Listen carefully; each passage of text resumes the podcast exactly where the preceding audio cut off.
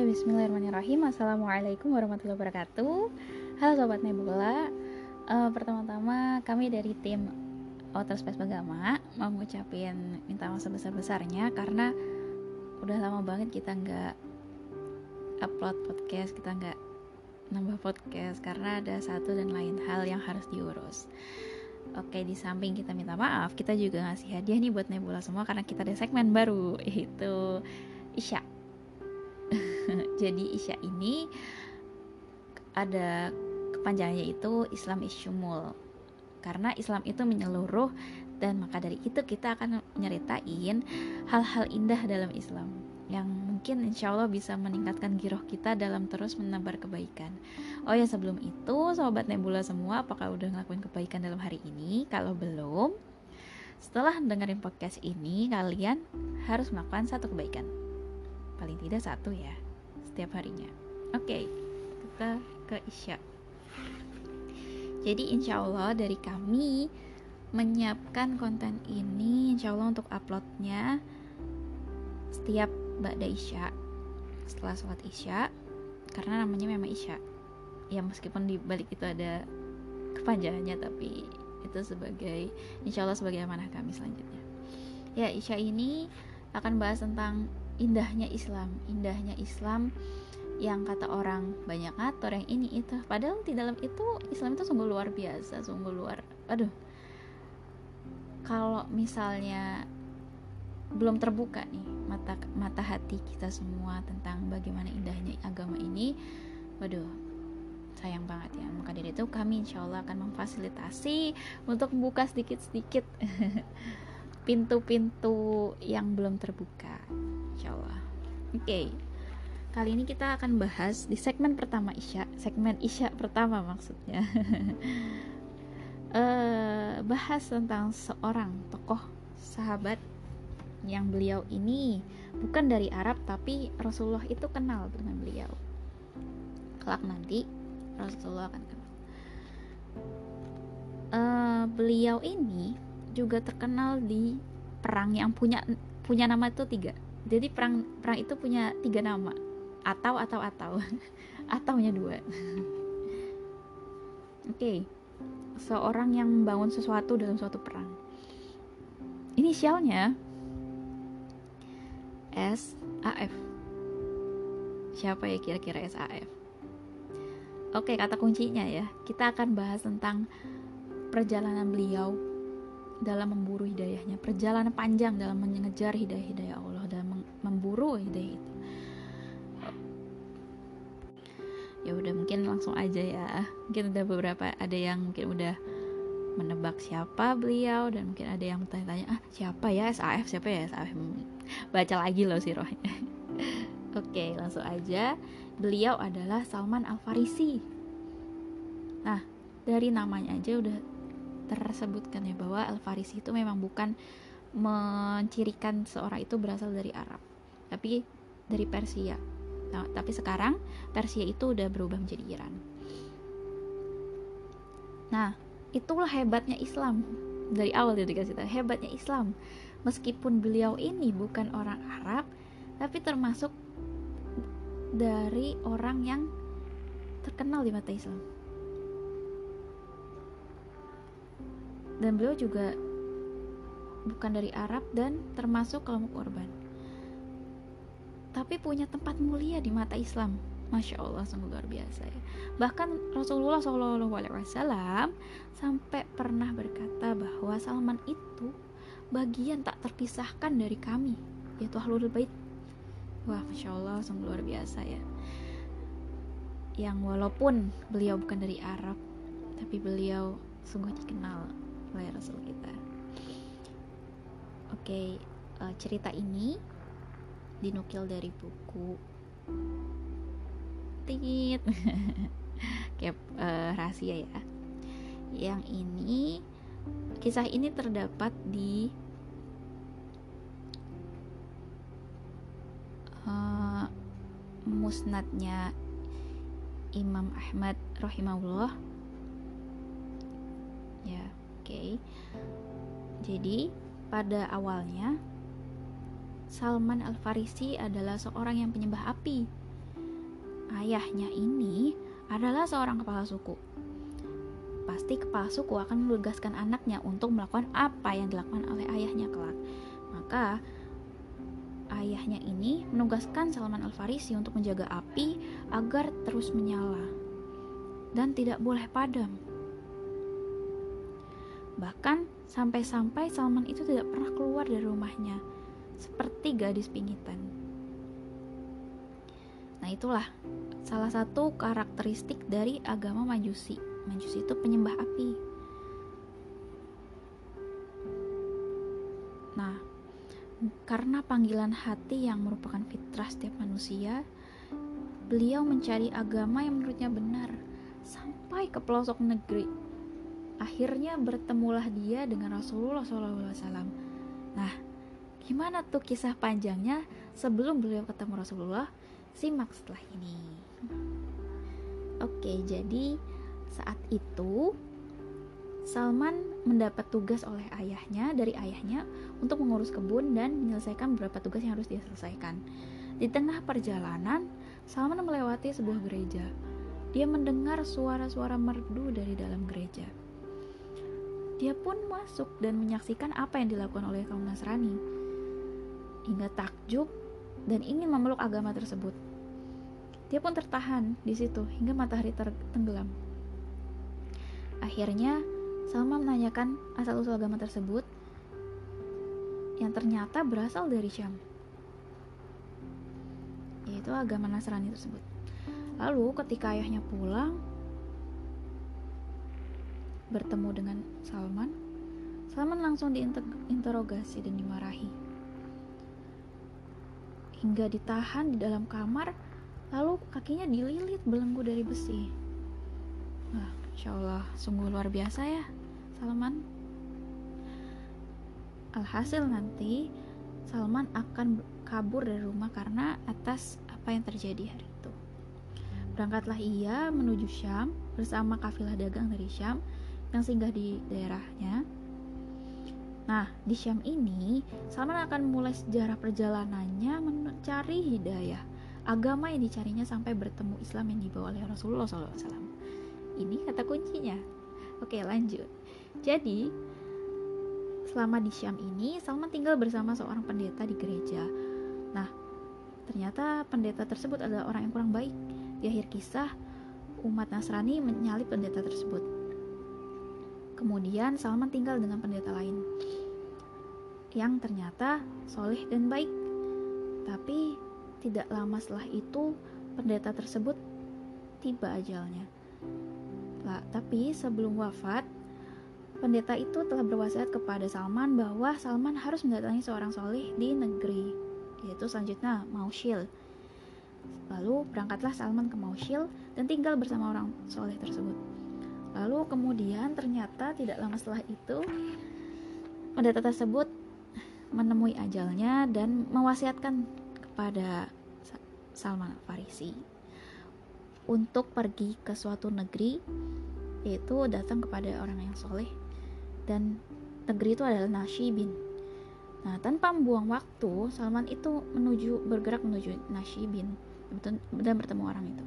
Orang yang di orang soleh yang ditunjuk sebelumnya dari orang Mausil lalu sama seperti sebelumnya, ternyata tak lama kemudian orang tersebut menemui ajalnya. Kemudian ia memberitahu Salman tentang seorang soleh yang ada di daerah Amuriah. Lalu setelah itu, tidak salah lagi, pasti Salman akan berangkat ke Amuriah. Amuriah. Dan bertemu dengan orang soleh tersebut tinggal cukup lama, sam bahkan sampai mencari usaha hingga memiliki beberapa ekor sapi dan kambing. Namun ketika orang soleh tersebut menemui ajalnya ia memberitahukan bahwa tidak ada lagi di muka bumi ini orang soleh seperti dirinya. Namun dia memberitahu bahwa ada seorang yang harus ia temui. Nanti akan datang masa munculnya nabi akhir zaman. Temuilah nabi itu. Ia muncul di negeri Arab berhijrah ke daerah yang diapit oleh dua bukit berbatu hitam. Di tengahnya terdapat pohon-pohon kurma dan Nabi itu mau memakan hadiah tetapi tidak mau makan sedekah dan di antara kedua pundaknya ada tanda kenabian. Setelah mengingat kata-kata itu dengan benar dengan jelas, kemudian sepeninggal orang tersebut, orang soleh tersebut, Salman masih tinggal di Amuriah untuk beberapa lama. Lalu datanglah kafilah dagang dari kabilah Kalb. Lalu Salman meminta mereka membawanya ke Tanah Arab dengan bayaran seluruh sapi dan kambing yang dia miliki. Mereka pun setuju nih. Nah, terus setibanya di Wadi Kuro, Salman ini dijual kepada budak menjadi budak, maaf. Kepada seorang Yahudi menjadi budak di Wadi Kuro. Akhirnya ia tinggal di sana untuk beberapa waktu. Nah, tidak lama setelahnya datanglah sepupu Yahudi itu dari Bani Quraizah Madinah. Lalu membeli Salman dan akhirnya udah pasti dibawa ke Madinah. Dan sampainya di sana Salman langsung mengenali Madinah sebagaimana kriteria yang disebutkan oleh orang soleh dari Amuriah yang tadi sudah disebutkan ciri-cirinya lalu ia disibukkan dengan statusnya sebagai budak bersama dengan itu ternyata saat itu juga Rasulullah SAW sudah diutus sebagai nabi di Mekah lalu berhijrah ke Madinah Nah, singkat kisah, Salman pun berhasil menemui Rasulullah SAW. Tebak di mana? Kuba. di Kuba. Lalu menemuinya di Madinah. Wah, berarti udah ketemu dua kali nih. Dan uh, dia mengetahui um, sepertinya apakah ini orang yang disebutkan orang soleh yang yang sudah wafat di Amurih lalu lalu dia menebak saat itu di perkuburan Baqi saat Rasulullah mengantarkan jenazah seorang sahabat. Kemudian Rasulullah SAW duduk di antara para sahabat. Kemudian datang Salman mengucap salam. Dan ternyata, loh kok sudah kenal ya? eh ada cerita kecil jadi seperti ini ketika di Madinah Salman telah menemui Rasulullah kemudian ia yakin itu Rasulullah dan dia mengetahuinya. Namun dia masih ragu. Um, apakah tanda kenabian itu ada di antara kedua pundak Rasulullah SAW nah, dia ragu. Kemudian datangi lagi. Kemudian saat di perkuburan bakti untuk ketiga kalinya beliau bertemu. Beliau Salman seperti berputar mengelilingi punggung beliau melihat belakang punggung Rasulullah nah dia ingin mengecek apakah tanda kenabian itu ada atau tidak. Ternyata Rasulullah SAW nih peka nih. Peka dan akhirnya beliau sengaja melepaskan kainnya dari pundak. Dan Salman pun melihat dan mengenali tanda kenabian beliau, yaitu tanda kenabian dari Rasulullah SAW.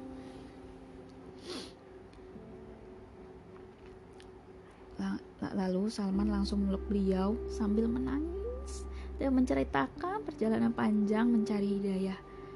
Coba, pertama dari Syam, kemudian Maushil, Nashibin, Amuriyah, Wadi Qura, kemudian di Madinah. Itu sungguh perjalanan panjang. Lalu itulah saat bahagia Salman.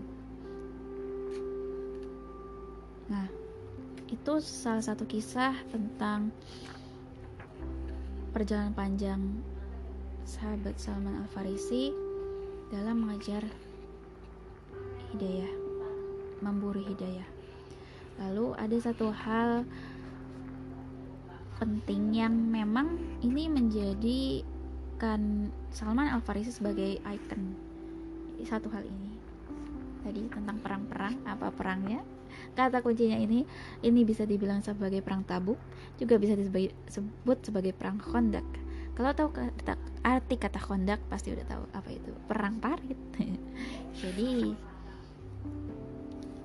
uh, Salman Al Farisi adalah seorang yang menggagas ide brilian saat umat Islam itu dalam kondisi genting dikepung pasukan sekutu. Sebagai orang Persia, beliau ini mengusulkan agar sekeliling kota Madinah digali untuk pertahanan melawan musuh.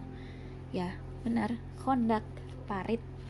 Jadi beliau ini menggagas e, bagaimana kalau kita membuat parit untuk menghadangnya. Yang ide ini tidak terbesit sama sekali dalam pikiran para penduduk Arab, Arab terdahulu. Akhirnya dengan izin dan pertolongan Allah Subhanahu wa taala dan atas ide besar tersebut umat Islam mendapatkan kemenangan gemilang tanpa perlawanan. Nah, coba kita tilik lagi. Dari usaha serius beliau memburu hidayah, kesungguhan menjalani agama, totalitas dalam berjuang, maka Islam mencatat Salman Al-Farisi dengan tinta emas dalam lembaran sejarah perjuangan Islam dan beliau dikenang umat Islam seluruh penjuru dunia sebagai tokoh yang menggagas tentang ide dalam pembuatan parit dalam perang Khandaq. Jadi kita dapat mengambil beberapa poin di sini bahwa hidayah Allah itu harus dicari, harus diikhtiarkan, harus diperjuangkan. Kita nggak bisa diem aja kayak kita mencari ilmu. Apakah dengan kita diem aja ilmu itu akan kita capek, ilmu itu akan kita dapat? Jelas enggak. Jadi kita harus mengikhtiarkan, memperjuangkan untuk mencarinya. Hidayah itu dijemput, bukan ditunggu, tapi dijemput. Seperti si dia. Siapa itu? Ya hidayah. Kemudian siapa yang bersungguh-sungguh pasti akan berhasil dan mendapatkan yang terbaik. Walaupun memang belum seperti apa yang dimau, apa yang direncanakan, Allah itu pasti tahu uh, apa yang terbaik buat hambanya kita nggak nggak akan pernah tahu apakah kita bila mendapat apa yang kita impikan apakah di situ banyak keberkahan atau banyak mudarat Allah lebih memilihkan yang terbaik di mana itu insya Allah paling baik dari segala pilihan dan di zaman sekarang ini yang perlu dilakukan adalah menjaga hidayah Allah Subhanahu wa taala. Udah kita jemput nih, maka kita harus jaga. Caranya gimana? Semakin taat padanya pada Allah Subhanahu wa taala. Sungguh luar biasa ya, Salman Al-Farisi. Dan beliau ini yang tadinya agamanya majusi penyembah api, kemudian tertarik dengan nyanyian-nyanyian di gereja, lalu tertarik dengan Nasrani, dan akhirnya jatuh cinta pada Islam. Sungguh luar biasa ya perjuangan orang-orang terdahulu yang memang dari lahir belum ditetapkan sebagai orang Islam. Lalu ke mana giroh-giroh kita pemuda yang dari awal dari lahir memang sudah ditetapkan sebagai orang Islam, Muslim, Muslimah? Di mana giroh kita? Sedang mereka-mereka yang tidak dilahirkan secara Islam, tidak dilahirkan dengan beragama Islam, di situ giroh mereka sungguh luar biasa dalam mempelajari Islam. Lantas ke mana giroh-giroh pemuda-pemuda Islam yang memang pada awalnya itu memang sudah Islam dari lahir? Maka yuk kita harus bersatu. Kita harus menguatkan kembali pecahan-pecahan puzzle yang udah retak dengan mempersatukan umat-umat, meningkatkan giroh kembali, berkumpul dengan orang-orang baik, menghindari diri dari perilaku-perilaku yang kurang ahsan, kurang baik, perilaku-perilaku yang harusnya diimplementasikan. Caranya gimana? Kenali agamamu, kenali Robmu, Tuhanmu, kenali kekasih Robmu, kenali kitabmu, dan jangan pernah lupa untuk berlomba-lomba dalam kebaikan. Hindari segala sesuatu yang bisa membawamu dalam banyak mudarat. Hindari apa yang bisa menjerumuskanmu pada zina, dosa, dan maksiat. Memang, setiap manusia itu pasti punya masa terendahnya, titik terendah. Dan bukan berarti kita lantas membiarkan bisikan-bisikan syaitan mudah masuknya. Lalu bagaimana menjaganya? Amal yaumi, jangan pernah lepas, jangan pernah berkurang. Dan kalaupun dalam keadaan futur, kamu masih punya teman-teman terbaikmu, halakohmu yang akan mengingatkanmu terima kasih wassalamualaikum warahmatullahi wabarakatuh